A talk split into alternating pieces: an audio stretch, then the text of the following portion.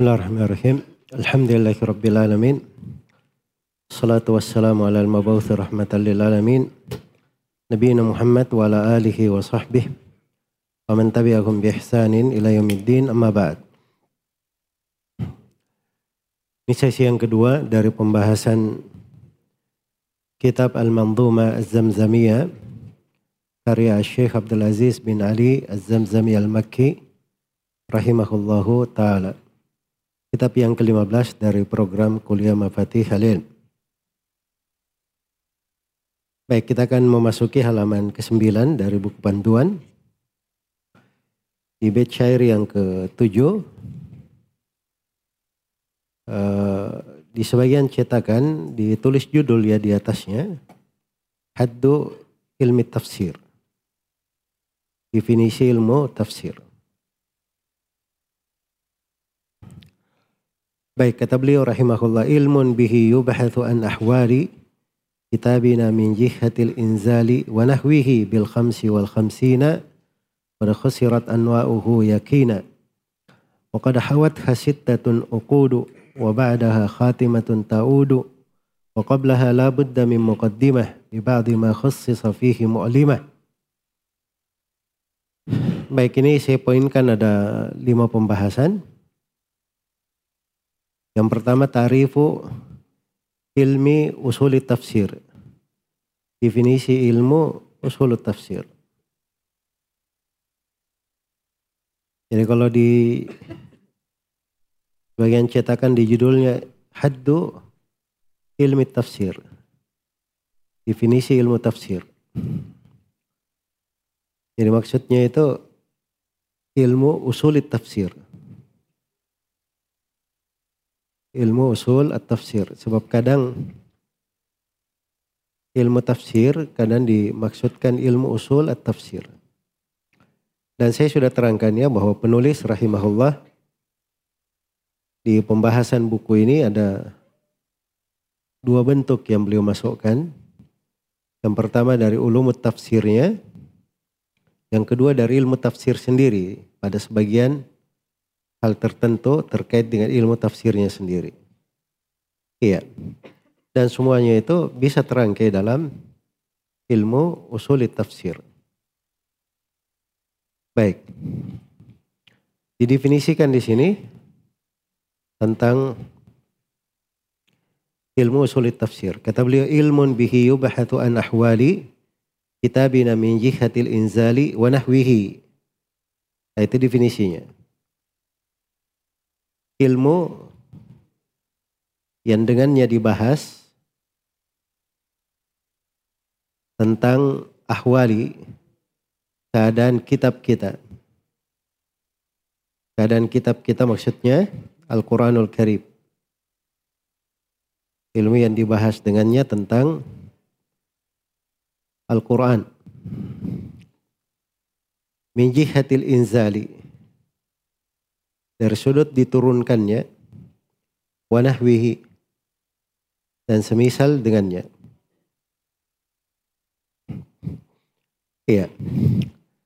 Kalau di dalam kitab An-Nuqaya, nas ucapan Asyuti, kata beliau ilmun yubahathu fihi anahwalil kitabil aziz. Itu di kitab An-Nuqaya. Ilmu dibahas tentangnya tentang keadaan Alkitab Al-Aziz. Kalau di dalam Itmam Ad-Dirayah, di Itmam Ad-Dirayah, Asyuyuti memberi tambahan. Min jihati nuzulihi wa sanadihi wa adaihi wa alfadhihi wa ma'anihi al-muta'alliqati bi alfadhihi wal muta'alliqati bil ahkam wa ghairi dhalik. Itu tambahannya Suyuti. Jadi ilmu dibahas tentang ahwal Al-Quran. Satu. Min jihati nuzulihi. Dari sudut turunnya. Wasanadihi. Dari sudut sanatnya. Wadaihi. Dari sudut bagaimana melafatkannya, menyampaikannya, membacanya. Wal fadhihi dari sudut lafat-lafatnya. Omanihi al muta'alliqa bi al fadhihi dari sudut makna-maknanya yang terkait dengan lafat wal muta'alliqa bil ahkam dari sudut makna-makna yang terkait dengan hukum. Wa ghairi dan selainnya. Ini sebenarnya isi dari enam kalung pembahasan yang akan datang. Ya, kalau memang mau diringkas, ilmu usul tafsir itu ada ilmu yang membahas tentang keadaan Al-Quran. Keadaan Al-Quran. Apa saja yang dibahas dalam tentang keadaan Al-Quran? Ada dari sudut turunnya, ya, turunnya ini di Mekah atau di Medina kah? Apakah dia Makki atau Madani? Mana awal surah yang turun, akhir surah apa namanya akhir surah yang turun atau akhir ayat yang turun. Mana awal surah diturun di kota Medina dan seterusnya itu terkait dengan turunnya. Atau dia membahas tentang apa namanya sanatnya dari sudut periwayatan. Ini kiraatnya dia masuk di kiraat mutawatirah atau di kiraat ahad atau masuk di kiraat syaddah. Iya dari sudut sanatnya dari sudut adanya bagaimana membacanya melafatkannya.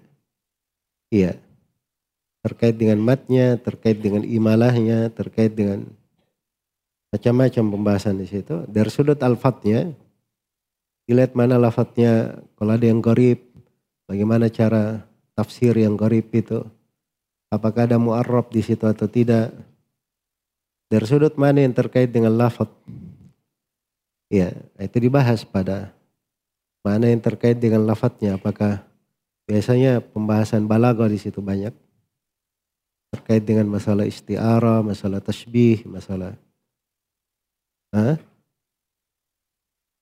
pembahasan-pembahasan seputar lafaz.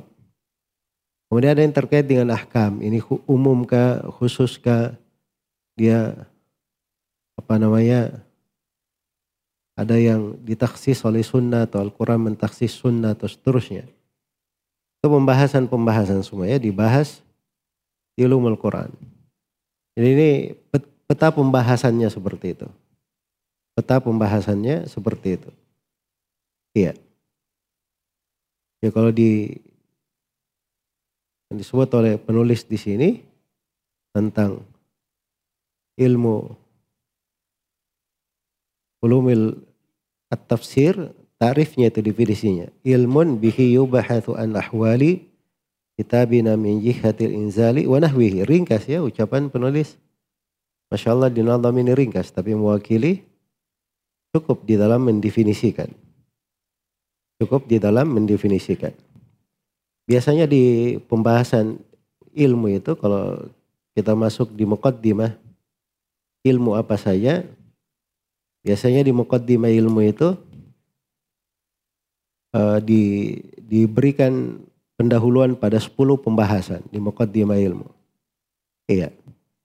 Itu kan biasanya ada di ilmu nahwu kan, di ilmu mustalah dan selainnya itu dinadam oleh Muhammad Ali As-Sabban rahimahullahu taala di dalam apa namanya hasyiah-hasyiah beliau di banyak tempat di berbagai ilmu. Karena beliau memberi hasyiah banyak. As-Sabban ini punya hasyiah terhadap Alfiyah Ibnu Malik.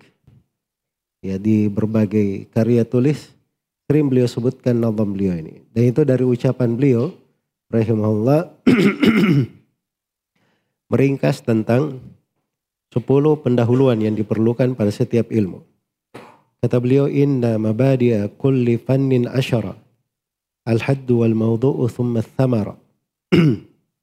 Al-haddu wal mawdu'u thumma thamara. Wa nisbatun wa fadluhu wa nisbatun wa fadluhu wal wadi'u. Baik, saya ulangi. Wa nisbatun wa fadluhu wal wadi'u wal wadi' ya di sukun situ wal ismul istimdadu hukmu syari' masailun wal ba'du bil ba'di iktafa wa man wa man daral jami' wa daral syarafa kata beliau sungguhnya pengantar setiap ilmu itu, setiap bidang dari ilmu ada 10 pengantar. Yang pertama al-had, definisi. Yang kedua al-madu, tema pembahasannya apa. Kemudian yang ketiga thamara, apa faidah di belakang ilmu itu kita pelajari. Kemudian yang keempat nisbatun. Ini ilmu nisbatnya ke mana? Kemudian yang kelima fadluhu, keutamannya. Keutamaan mempelajarinya. Kemudian yang keenam al-wadi, siapa yang pertama atau siapa yang meletakkan ilmu itu. Kemudian yang ketujuh alismu, nama. Namanya itu apa? Kemudian yang ke delapan alistimdad, dari mana? Timdatnya. Kemudian sembilan hukum syari, hukum syariat dalam mempelajarinya. Kemudian yang ke sepuluh adalah masail. Masailnya apa? Masail pembahasannya apa? Baik, kita mulai dari nama dulu. Apa namanya ilmu ini tadi? Dinamakan ilmu usulit tafsir, bisa juga ilmu ah, ulumil Quran. Ilmu ulum Al-Quran. Baik, itu dua penamaannya populer. Belakangan orang-orang biasanya banyak pakai nama ulumul Quran. Nah itu di universitas, di banyak perguruan tinggi itu biasanya disebut dengan ulumul Quran. Baik. Kemudian yang kedua, al-haddu, definisinya. Definisi sudah disebut oleh penulis di sini. Apa definisinya tadi? Ilmun bihi yubahathu an ahwali kitabina min jihati tanzili min jihatil inzali wa nahwihi. Itu definisinya. Baik. Kemudian yang ketiga, Athamarah. Apa buah dari mempelajari ilmu ini? Ya. Apa buahnya? Baik. Dari sudut buahnya adalah bagaimana seorang itu bisa berpegang teguh dengan Al-Quranul Karim. Itu yang pertama. Kemudian yang kedua, bagaimana dia bisa meraih berbagai keutamaan terhadap Al-Quran. Kemudian yang ketiga, dari faedahnya, supaya seorang itu bisa masuk ke dalam golongan orang yang tadabbur terhadap Al-Quran. Ya, dan yang keempat, dan ini yang mencakup untuk semuanya, adalah al-fauzu bis sa'ada fid darain. Adalah supaya beruntung Berbahagia di dunia dan di akhirat. Baik, sudah tiga. Berikutnya wanisbatun. Nisbatnya. Ya kalau ilmu ini dinisbatkan, maka dia minal ulumid diniyah. Barro'isuha liqauniha ma'khudatan minal kitab. Wa mutawakkifatan fil i'tidadi ba'da thubuti alaih. Ya. Ya nisbatnya itu masuk ke dalam ilmu agama. Masuk ke dalam ilmu agama. Bahkan dia adalah pokok dari ilmu agama. Kenapa? Sebab ini berkhidmat tentang Al-Quran. Maka dia dihitung pada pokoknya. Iya. Kemudian yang kelima, wafadluhu, keutamannya. Apa keutamaan mempelajarinya? Keutamanya annahu min ashrafil ulum wa jalluha. Ini dari ilmu yang paling mulia dan paling agungnya. Kenapa? Karena kaidahnya itu li'annal ulum innama tashrufu bisyarafi mawdu'atiha. Ya, kalau bahasa Ibn Al-Qayyim inna syarafal ilm bisyarafi al-ma'lum. Sungguhnya kemuliaan sebuah ilmu itu ikut kepada kemuliaan apa yang dipelajari, tentang apa yang dipelajari. Sama tentang akidah ya, karena belajar tentang Allah itu keutamaan akidah. Ini kita Al-Quran. Kita belajar ilmu Al-Quran, itu tampak keagungannya. Sebab ini belajar tentang firman Allah subhanahu wa ta'ala. Maka tampak di situ berbagai sudut keagungan. Iya. Baik. Kemudian berikutnya, uh, Baik. Tadi al-haddu wa thamara. Al-mawdu' tadi belum ya kita. lewati tadi al-mawdu. Al-mawdu itu di al-mawdu kalamullah subhanahu wa ta'ala. Ya tema pembahasannya adalah firman Allah subhanahu wa ta'ala. Ya, maksudnya dari mawdu'nya itu kelihatan fadluhu. Bahwa ini yang dibahas adalah firman Allah subhanahu wa ta'ala. Berikutnya yang ke berapa tadi? Yang keenam sudah ya, al-wadhi. Siapa yang meletakkan ilmu ini? Yang meletakkannya adalah Allah subhanahu wa ta'ala dan nabinya Nabi Muhammad sallallahu alaihi wasallam. Iya. Karena Al-Quran itu datangnya dari Allah. Allah berbicara dengannya. Didengarkan oleh Jibril. Kemudian diturunkan kepada Nabi Muhammad sallallahu alaihi wasallam. Nabi Muhammad membacanya kepada Jibril. Jibril membacakannya kepada Nabi Muhammad sallallahu alaihi wasallam. Para sahabat membaca dari Nabi. Itu kan semua itu pembahasan ulumul Quran sebenarnya ya. Iya. Dan Nabi sallallahu alaihi wasallam memberikan ketentuan-ketentuan para sahabat. Jadi sebenarnya meletakkan ilmu uh, ulumul Quran itu adalah Allah dan Rasulnya.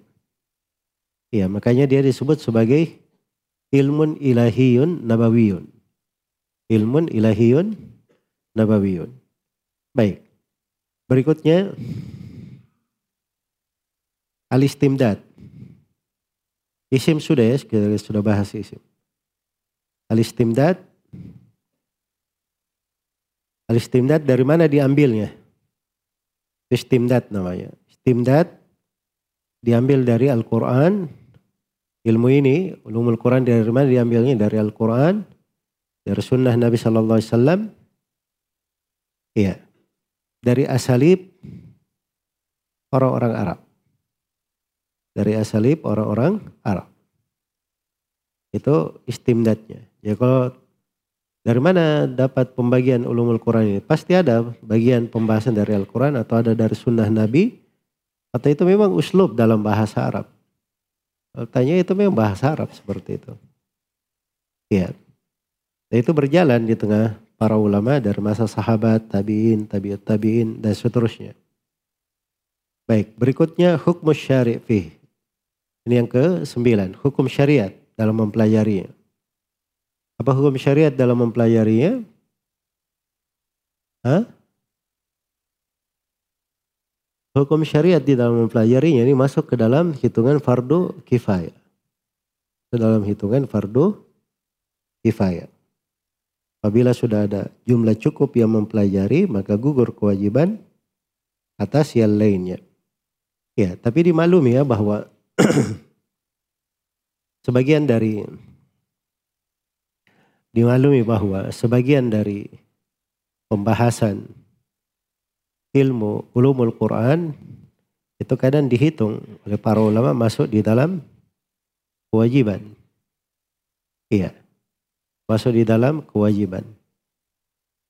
Karena memang ada dari pembahasan-pembahasan Al-Quran itu tidak bisa disifatkan sebagai apa namanya uh, sebagai suatu hal yang disunnahkan misalnya. Iya.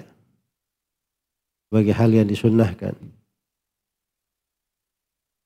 Dalam membaca Al-Quran, di dalam ada di dalam membaca sebagaimana yang diturunkan itu ndak ndak ndak dibahasakan ya ndak dibahasakan dengan hal yang disunnahkan ya karena itu kadang banyak orang yang apa namanya kurang memahami ya ucapan Ibn al-Jazari rahimahullahu taala ya kurang memahami ilmu eh, apa namanya apa yang disebut oleh Ibnul Jazari rahimahullah.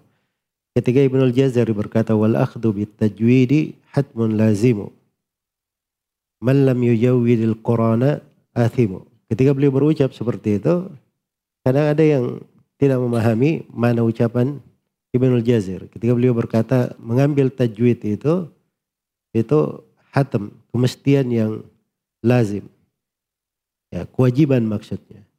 Siapa yang tidak mentajwid Al-Quran, maka dia berdosa. Tidak mentajwid Al-Quran, dia berdosa. Ya, tajwid itu ada kadar kewajiban. Sebab kalau dia tidak membaca sebagaimana yang diturunkan, maka dia berdosa. Dia berdosa. Jelas ya? Harusnya dibaca dengan makhraj hurufnya, dia tidak baca seperti itu. Harusnya di mat, dia tidak mat misalnya. Nah, itu masuk, bisa dia bisa berdosa di dalam hal tersebut. Ya tajwid itu bukan masalah panjang pendeknya saja, masalah guna, idgham dan seterusnya, bukan cuma itu saja. Tapi dia membaca Al-Quran itu ditartil sebagaimana yang diturunkan. Maka itu ada makna kewajiban. Tajwid itu bagian dari ulumul Quran. Jelas ya? Bagian dari ulumul Quran. Jadi kalau membahasakan hukum umumnya memang begitu. Ada sebagiannya fardu kifayah ya dan dia menjadi fardu ain kalau itu di tempat itu belum ada jumlah yang mencukupi. Ya, atau dia menjadi fardu ain kalau dia masuk belajar berbicara tentang tafsir. Misalnya dia masuk belajar tentang tafsir Al-Quran.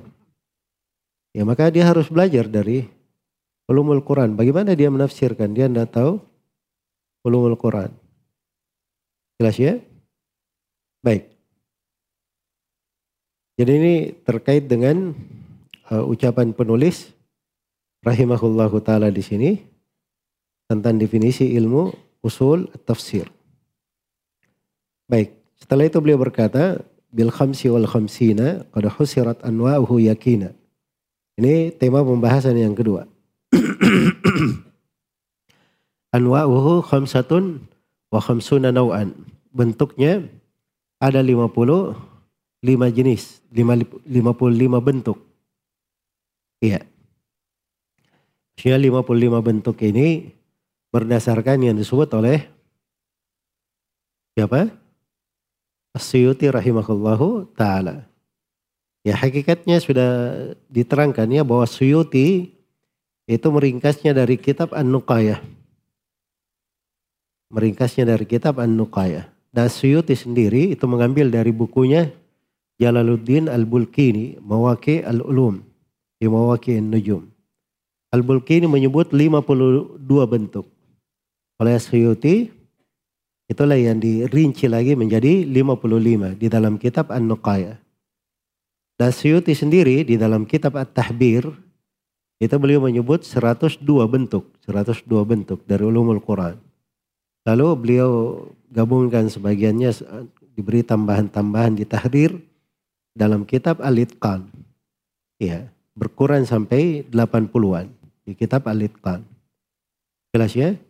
Jadi maksudnya di sini ketika disebut jumlahnya 55, ini maksudnya menurut kitab An-Nuqaya. Jelas ya? Makanya bahasa penulis itu kada husirat anwa'uhu yakinan. Yakinan maksudnya diambil dari kitab apa? Kitab An-Nuqaya. Kalau masalah menghitungnya ah, itu letak itihad. Ya ada yang menghitung lebih, ada yang menghitung kurang. Ada yang menghitung kurang. Tapi pembahasan-pembahasan yang diinginkan itu sudah dimaklumi di tengah para ulama. Baik. Kemudian beliau katakan di sini, وَقَدْ حَوَتْهَا سِتَّةٌ أُقُودُ وَبَعْدَهَا Fatimatun ta'udu. Ini pembahasan yang ketiga. Khamsatun wa khamsuna nau'an tajitamiu fi sittati ukudin. 55 jenis ini terkumpul dalam enam kalung pembahasan. Iya. Terkumpul pada enam kalung pembahasan. Jadi ada enam kalung pembahasan. Ada satu kalung pembahasan kembali kepada nuzul turunnya ada satu kalung kembali kepada masalah sanatnya. Ada satu kalung pembahasan terkait dengan adanya. Ada satu kalung pembahasan yang keempat terkait dengan lafadznya. Yang kelima nanti terkait dengan ahkam. Dan yang keenam terkait dengan alfab. Lafat-lafat. Iya. Jadi itu maksud dari penulis rahimahullahu taala di sini kita tuh al-uqud. Kemudian kata beliau, wa qablaha la budda min muqaddimah. Sebelum enam ini harus ada muqaddimahnya. Iya. Bibadi ma khussisa fihi mu'limah. Baik, itu pembahasan yang keempat. Saya sebut al-muqaddimah wal khatimah masih tati uqud. Terdapat muqaddimah dan khatimah. Jadi ada pendahuluannya, ada khatimahnya, ada penutup. Iya, ada penutup. Disertai ada penutup bersama dengan enam bentuk ini. Iya. Kita akan lihat nanti ya di mukaddimahnya itu ada delapan masail dari pembahasan. Dipoinkan ada delapan masail. Delapan mukaddimah dari penulis. Kemudian di khatimahnya itu di halaman 57 itu ada apa namanya empat di situ di khatimahnya empat anwa terkait dengan nama-nama kunyah-kunyah lakab-lakab dan mubahamat dalam Al-Quran itu khatimahnya baik jadi harus ada muqaddimah baik sekarang beliau berikan sedikit tentang mukaddimahnya. Apa kandungan dari mukaddimah yang akan beliau sebutkan. Poin yang kelima, al-muradu bil mukaddimah. Yang dimaksud dengan mukaddimah. Kata beliau, bi ba'di ma khussisa fihi mu'lima. Iya. Mukaddimah yang mengandung bagian hal bagian hal yang dikhususkan bagian hal yang dikhususkan di situ dan itu adalah hal yang sudah dimaklumi adalah hal yang sudah dimaklumi. Iya. Mukaddimah itu kalau sebuah buku, mukaddimah itu biasanya ada dua jenis mukaddimah ya. Ya, tadi kita sudah berikan satu mukaddimah. Itu mukaddimah namanya mukaddimah ilmu. Ya, pendahuluan seputar ilmu. Ilmu usulut tafsir. Dikasih mukaddimah. Nah, Itulah tadi 10 pokok hal yang diterangkan di pendahuluan. Terkait dengan ilmu apa saja. Mukaddimah jenis yang kedua itu mukaddimah terkait dengan sebuah kitab. Kadang di kitab itu si penulis ingin menyampaikan beberapa hal. Belum masuk ke dalam tema inti. Ya. Mukaddimah, kitab namanya. Nah, ini yang ini yang dimaksud oleh penulis di sini. Jadi beliau di sini akan menerangkan beberapa dari apa namanya uh, mukaddimat penting ya pada hal-hal yang berjalan pada hal-hal yang dimaklumi di pembahasan ini. Baik. Setelah selesai dari mukaddimah penulis rahimahullahu taala masuk menerangkan tentang uh, apa namanya setelah selesai dari mendefinisikan ya beliau masuk sekarang dalam mukaddimahnya dalam mukaddimahnya baik jadi sebagian cetakan itu memang ditulis mukaddimah di sebagian cetakan di atasnya ditulis mukaddimah kalau untuk mau tambahkan silahkan mukaddimah dari bait syair yang ke-11 sampai ke-16 berkata penulis rahimahullah pada kama ala Muhammadin nazal Wa minhu li'ijazu bi suratin hasal. Itu bahasanya li'ijazu. Jangan antum baca wa ijazu. Nanti uh, rusak timbangan syair ya. Itu sama dengan ayat ya. Bi'salismul fusuq badal iman. Tidak dibaca bi'sal ismu, tapi bi'salismu. Di bacaan kita ya. Di hafs dari Asim. Iya. Ini sama dibaca wa min jazu. Wa min itu mafailun.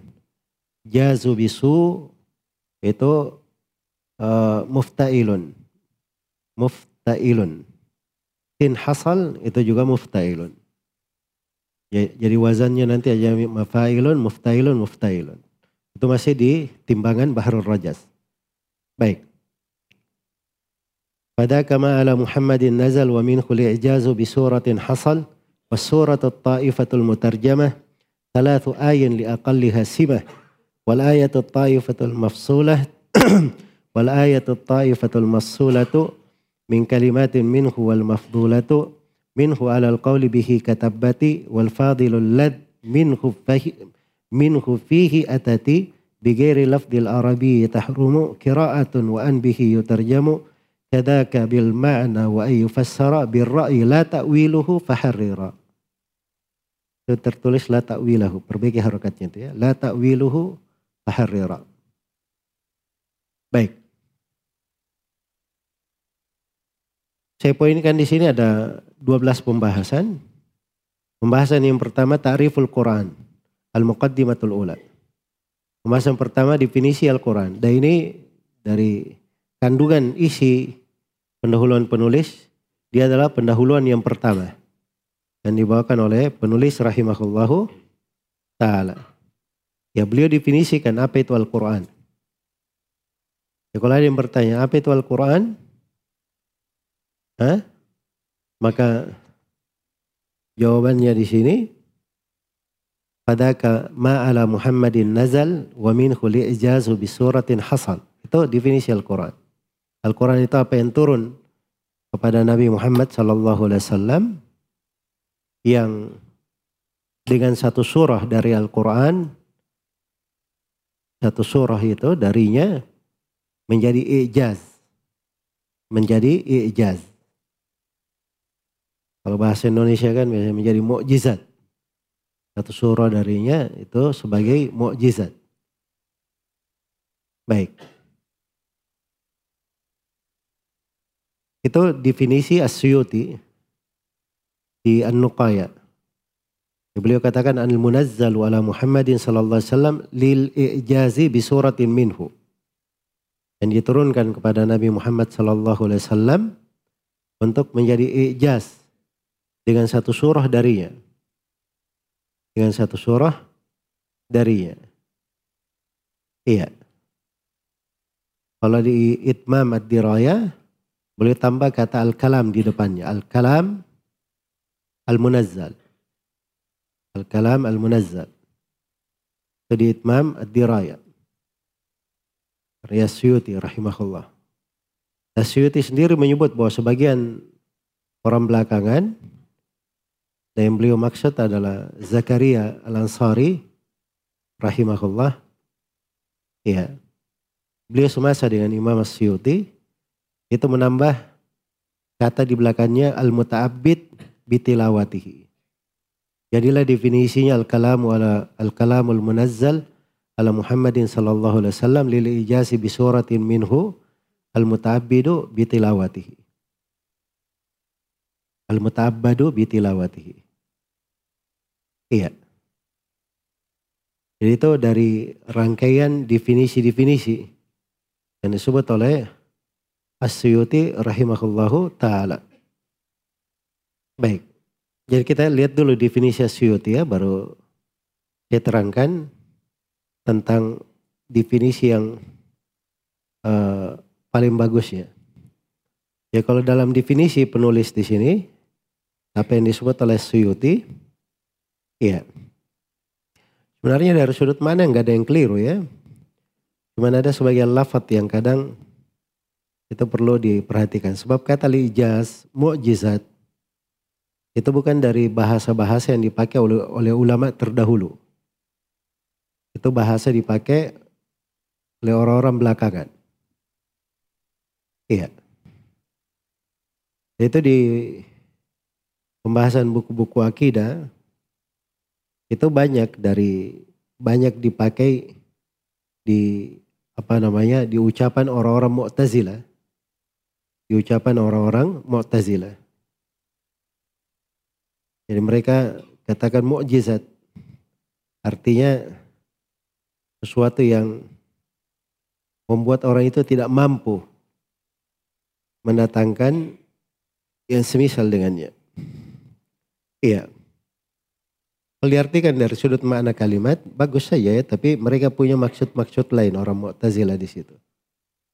Tapi kalau bahasa yang dipakai di dalam Al-Quran itu tidak disebut mukjizat, tapi disebut ayat, tanda-tanda kebesaran Allah. Al-bayyina, keterangan yang jelas. Iya. Al-hujjah, argumen yang kokoh. Nah, bahasa-bahasa itu yang dipakai dalam Al-Quran. Jelas ya? Baik. Kemudian mutabit bitilawati, mutabat yang menjadi ibadah dengan membacanya. Ini memang apa namanya uh, dipakai oleh para ulama untuk mengeluarkan hadit kutsi sebab hadit kutsi itu dia dibaca juga dari firman Allah juga tapi tidak menjadi ibadah membacanya. Jadi tidak sama dengan membaca Al-Quran ya, setiap hurufnya dapat pahala, bisa dibaca sholat dan seterusnya. Hadith Qudsi yang uh, sebenarnya lebih cocok disebut dengan nama hadith ilahi. Iya. Baik. Jadi kalau melihat dari kandungan dari definisi itu dan maksudnya, ya maksudnya, maka itu akan cocok untuk dibahasakan bahwa definisi Al-Quran itu adalah kalamullahil munazzal ala Muhammadin sallallahu alaihi wasallam ayatan ala sidqi nubuwatihi. Iya. Jadi kalamullahi al-munazzal ala Muhammad sallallahu alaihi wasallam ayatan ala sidqi nubuwati. Itu lebih bagus daripada kata ijaz. Jadi firman Allah yang turun kepada Nabi Muhammad sallallahu alaihi wasallam sebagai ayat sebagai tanda kenabian beliau sallallahu alaihi wasallam. Tanda kenabian itu sudah lebih daripada kata ijaz. Sudah lebih dari kata apa? Daripada kata al-ijaz. Iya. Baik itu yang pertama terkait dengan definisi Al-Quran. Kemudian yang kedua di sini ada pembahasan ijaz Al-Quran. Saya khususkan ya ijaz Al-Quran. Karena tadi tadinya itu dan dari uh, pembahasan yang saya sebut tadi ya, bahwa itu kata al-ijaz kalau dari sudut makna ya mukjizat mukjizat orang tidak mampu mendatangkan yang semisal dengannya itu dari sudut makna benar ya? Tapi dari sudut istilah penggunaan itu tidak dibangun. Ya tidak dibangun di atas penggunaan para aimatus salaf. Itu datangnya dari orang-orang Mu'tazilah yang mereka masukkan di dalam pembahasan akidah. Ya dan mereka bangun di situ di atas apa namanya uh, ucapan mereka terkait dengan masalah karama para nabi karama para nabi itu ada kekeliruan-kekeliruan di situ. Makanya mereka memakai kata mukjizat. Iya, tak memakai kata lain. Baik, itu sebenarnya perlu dibahas lebih mendalam ya, tapi ini lebih otentik di pembahasan akidah sebenarnya. Di pembahasan akidah. Baik. Al-Quran itu dia adalah tanda kenabian Nabi Muhammad SAW. Ada bentuk tahaddi di dalamnya, tantangan terhadap kaum musyrikin untuk mendatangkan yang semisal dengannya. Dan mereka tidak bisa dan tidak akan mampu untuk mendatangkan apa yang semisal dengannya. Iya. Karena itu dari sudut keagungan Al-Quran dan tanda kenabian Nabi Muhammad SAW dalam Al-Quran itu luar biasa. Nabi Muhammad itu contoh yang sederhana ya. Nabi Muhammad itu Shallallahu Alaihi Wasallam itu tidak pernah melihat laut, tidak pernah melihat laut dari sirah beliau. Iya. Tapi bersamaan dengan itu di dalam Al-Quranul Karim diterangkan tentang laut, kedalamannya, kegelapan di atas kegelapan dan sebagainya. Ya. Hal yang orang dahulu kan kalau kita cuma lihat laut di atasnya aja. Kita menyelam pun hanya melihat. Tapi lapisan laut terdalam itu, itu nggak banyak yang tahu. Tapi ternyata ya banyak hal dari yang disebut di dalam Al-Quran terkait dengan laut itu, itu dengan kemajuan teknologi sekarang ya sangat benar sekali seperti yang disebut di dalam Al-Quran. Jelas ya?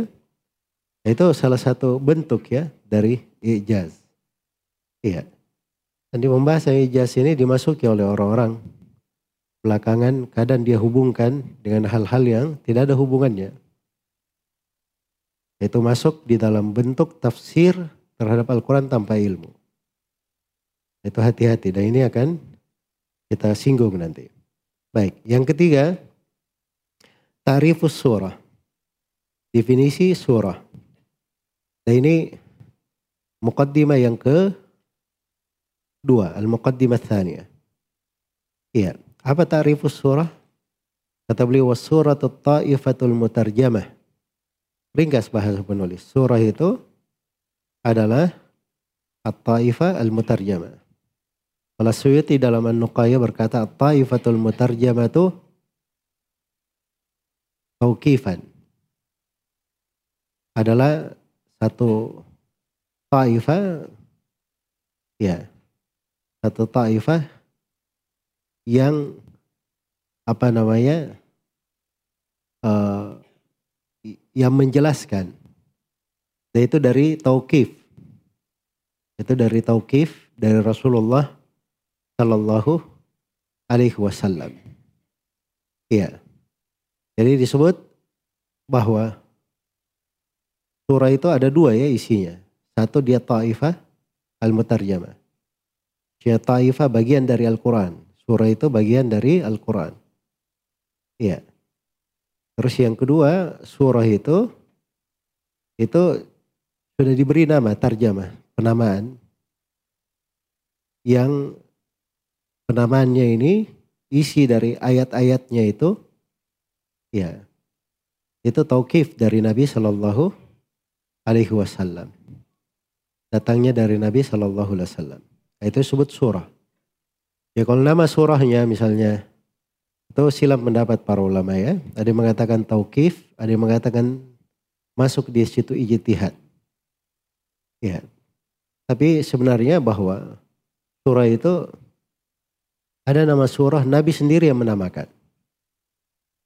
Ada nama surah itu datang dari penamaan dinukil dari para sahabat. Dan para sahabat itu mengambilnya dari Nabi Shallallahu Alaihi Wasallam. Kemudian sebagian dari nama itu itu datang warid dari penamaannya dari sebagian as-salaf. Mungkin dia namakan surah itu dengan nama tertentu karena menunjukkan tema pembahasan dalam surah itu. Jelas ya? Misalnya surah Al-Isra. Surah Al-Isra. Disebut juga dengan surah apa? Surah Bani Israel. Iya. Surah misalnya An-Nahl. Disebut juga dengan surah An-Ni'am. Iya. Atau misalnya surah surah Ghafir. Disebut juga dengan nama surah Al-Mu'min. Nah di situ ada penyebutan nama mukmin dari keluarga dari keluarga Firaun. Iya. Jadi surah itu kadang terkait dengan tema juga seperti surah uh, Al-An'am dan surah Az-Zumar. Itu ada sebagian ulama yang menyebutnya dengan nama surah Tauhid. Dan karena kandungan tauhid di surah itu luar biasa ya. Dan memang itu surah Al-An'am dan surah Az-Zumar itu, itu kalau direnungi pembahasan-pembahasan tauhid di dalamnya itu dari keajaiban ya di pembahasan tauhid. Subhanallah. Baik, jadi maksudnya surah-surah itu ada nama-namanya, ada keterkaitannya. ada keterkaitannya. Iya. Kadang sebagian surah itu diberi nama tertentu karena diambil dari awal ayatnya misalnya. Atau diambil dari awal, diambil dari kalimat di dalam surah itu, memang hanya ada di surah itu saja. Seperti Al-Baqarah. Kata Al-Baqarah itu enggak ada di surah Al-Baqarah, di selain surah Al-Baqarah tidak ada. Di selain surah Al-Baqarah itu hanya ada Al-Baqar tanpa tak marbutah. Pakai tak marbutah cuma ada di surah Al-Baqarah saja. Jelas ya? Surah Ali Imran. sama. Surah An-Nisa, buat surah An-Nisa karena temanya banyak terkait dengan perempuan di situ. Surah An-Nisa. Disebut juga dengan nama surah An-Nisa Al-Kubra. Surah An-Nisa yang terbesar. Ada surah An-Nisa disebut surah An-Nisa As-Sugra. Surah apa itu?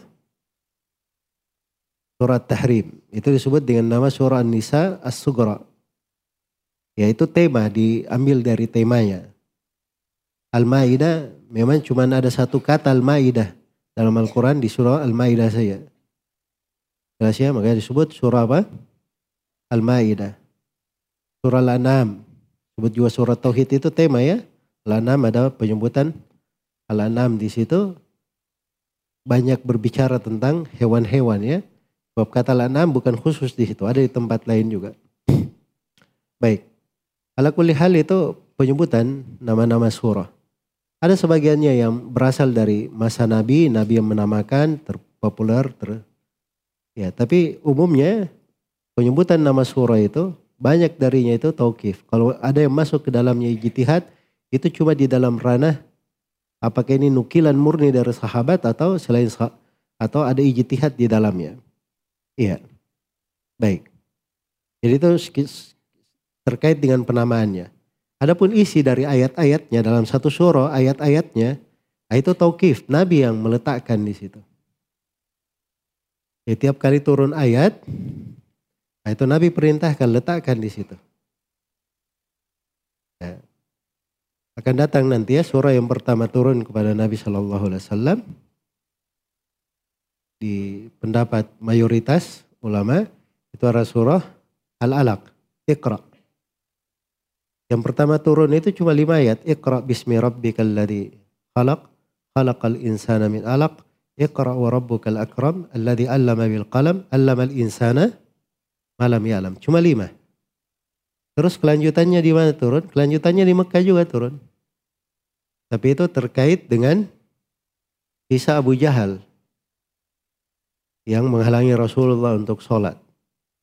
Jelas ya?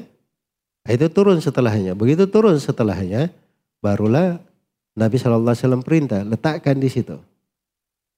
Jelas ya? Jadi tidak langsung turun begitu semuanya, satu surah. Tapi kadang satu ayat turun. Bahkan kadang ada satu ayat turun, baru sebagiannya. Sebagian ayatnya lagi turun setelahnya. Seperti ayat misalnya wa kulu washrabu hatta yatabayyana lakumul khaytul abyadu minal khaytil aswadi. Sampai situ dulu turunnya. Minal fajri turun setelahnya. Turun setelahnya itu datang dalam sebagian riwayat. Minal fajri itu turun setelahnya. Jadi itu yang memerintah meletakkan di mana ditempatkan itu pasti tauqif dari Nabi sallallahu Alaihi Wasallam. Nabi yang menetapkan, Nabi yang menetapkan. Jelas ya? Karena itu tidak ada di, dalam, di kalangan ahli kira itu tidak ada silam pendapat di dalam masalah takdim dan takhir. Semuanya sama urutannya. Karena itu letak kesepakatan. Yang ada silam pendapat itu, itu cuma di dalam menghitung ayatnya. Menghitung ayatnya. Ini berapa ayat dihitungnya? Jelas ya? Misalnya La illam yantahi lanasfa'an bin nasiyah. Itu dihitung berapa ayat kalau di kita? Satu ayat.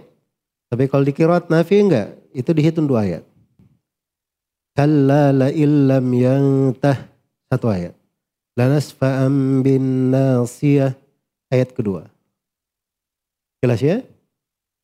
Jadi perbedaan dalam menghitung ayatnya Nah, itu ada ilmunya tersendiri. Nah, ini belum di belum disebut juga di sini ya. Itu ada ilmunya tersendiri. Namanya ilmu adil ay. Ilmu menghitung ayat-ayat.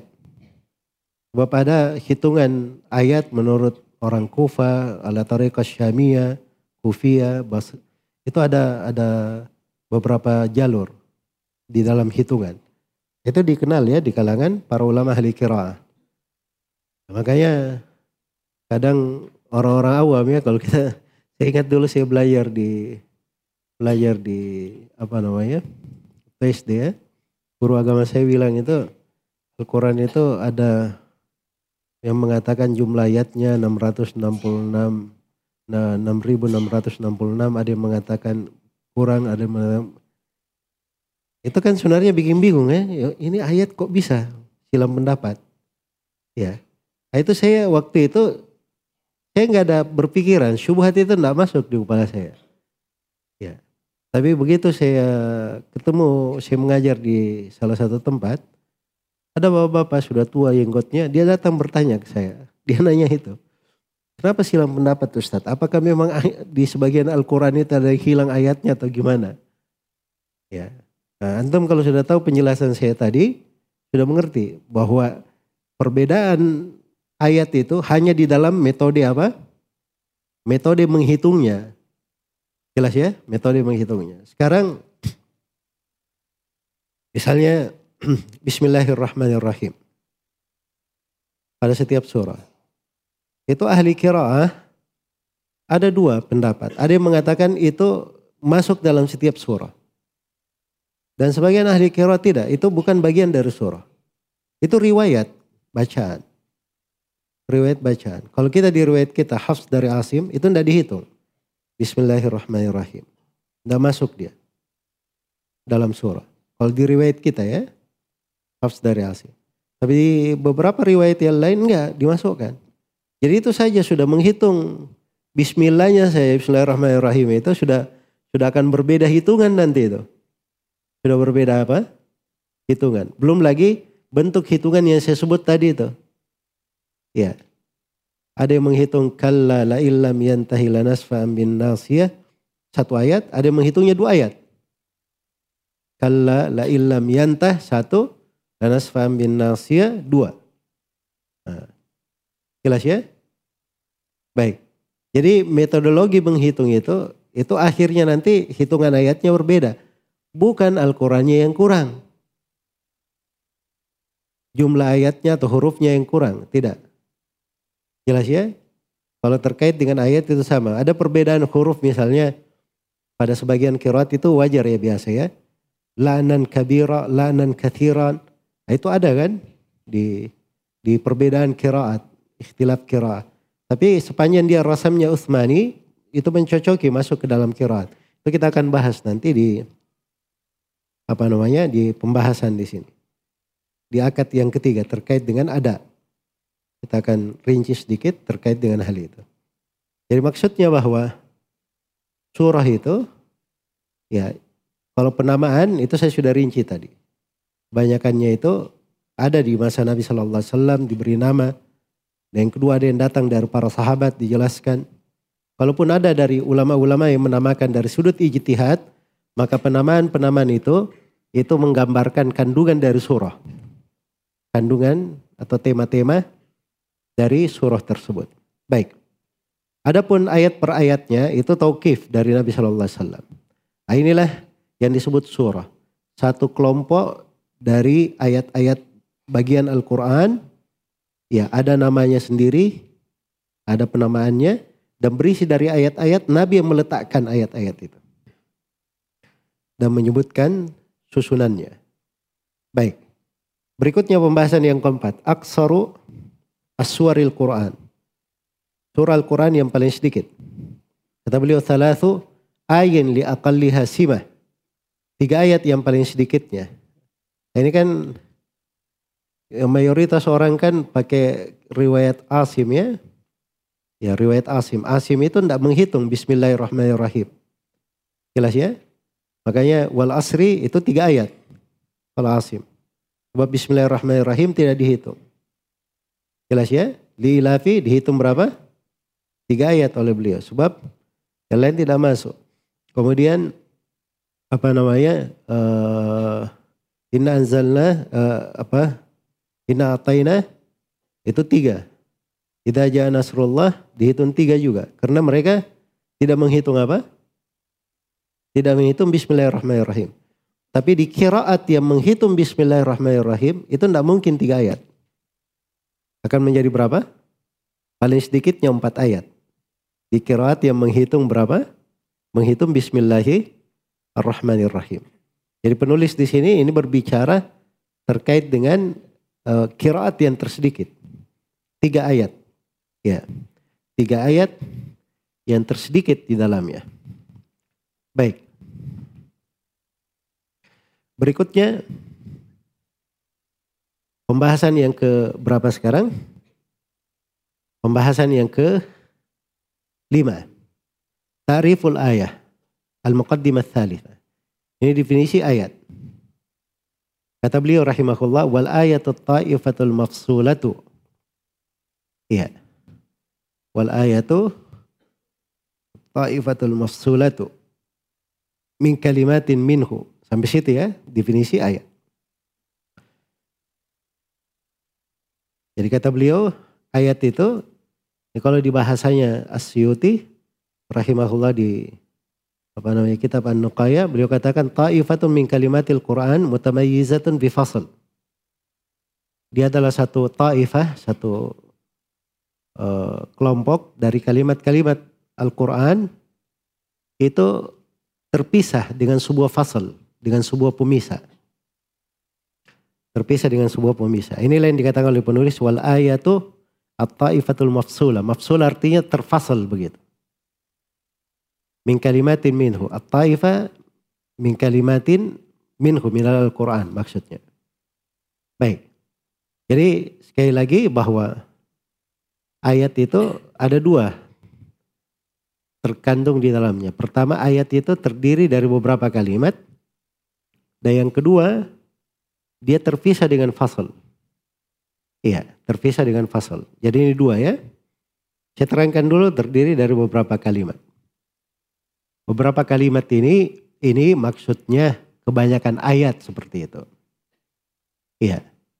Sebab ada sebagian ayat, dia cuma mengandung satu kalimat saja. Contohnya apa? Hah? Selain huruf al-muqatta. Contohnya? Ar-Rahman. Ya kan cuma satu.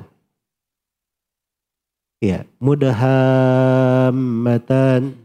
Cuman satu. Itu cuma satu kata. Nah, ini yang paling sedikit.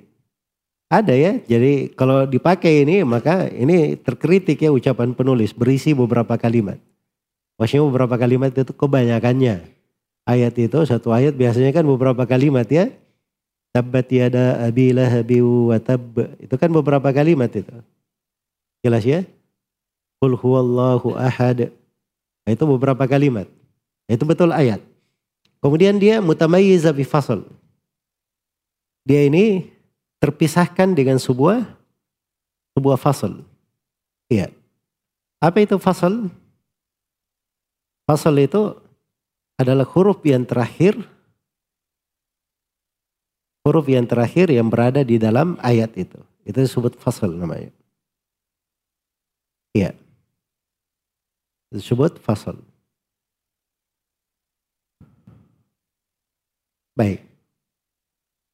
Ini istilah ya, kita semua terangkan istilah ya. Baik. Misalnya, kita baca ya. Qul huwallahu ahad. Jadi ayat itu terdiri dari beberapa kalimat. Qul huwallahu, qul huwa Allahu ahad. Qul itu disebut mabda. Hah? Ahad itu disebut makta. Disebut apa? Makta. Makanya sebagian ulama itu mendefinisikan ayat, mereka tidak pakai definisi SUT, tapi mereka katakan ayat itu jumlatun min, min, minas suaril Qur'aniyah dati mabdain wa makta. Dia adalah jumlah dari surah Al-Quran, bagian dari surah Al-Quran yang punya mabda dan punya makta punya pembukaan dan punya penutupan. Nah, ini lebih lebih cakep ya definisi ini. Sebab kalau misalnya ayat Ar-Rahman, Ar-Rahman itu mabda, dia juga makta. Ar-Rahman. Jelas ya? Dia mabda, dia juga apa? Dia juga makta. Mudahamatan sama. Dia mabda, dia juga makta. Tapi biasanya kul huwallahu ahad, kul mabda, ahad apa? makta. Nah, itu yang disebut dengan ayat. Nah, baik, sekarang pembahasan yang ke enam. Al-farqu bainal makta wal fasilah. Apa bedanya sekarang? Antum sudah paham? Apa bedanya al-makta dan fasilah? Kalau makta itu kalimat akhir. Ahadun, semuanya itu makta. Tapi kalau fasilah itu huruf terakhir. Huruf terakhir. Ya, misalnya antum baca kul huwallahu ahad tadi ya. Jadi ahadun itu semuanya adalah apa? Makta. Huruf dalnya ah, itu disebut apa? Fasilah. Jadi dia terpisah oleh fasilah. Itulah yang menjadi fasilah. Nah biasanya kita kalau ini ada nomor ayat disebut ya. Di tarkimnya itu fawasil namanya. Ah, itu ada ilmunya tersendiri juga. Ilmu fawasilil Quran. Ada ada bidang dari ulumul Quran. Ada buku-bukunya juga itu. Ada buku-bukunya. Baik. Selesai ya. Terkait dengan pendahuluan yang keberapa ini? Yang ketiga. Kita di pembahasan yang ketujuh dari urutan pembahasan kita. Tafadulul Quran. Dan ini urutan pendahuluan penulis Al-Muqaddimah Ar-Rabi'ah. Iya. Jenjang keutamaan Al-Quran. Eh, Masya Allah sudah lewat 20 menit ternyata. Kita cukupkan dulu sampai sini ya. Nanti kita sambung lagi. Bisa sampai asar nanti kita. Baik, subhanakallahumma bihamdik. Asyurallah ilaha illa أستغفرك وأتوب إليك والحمد لله رب العالمين.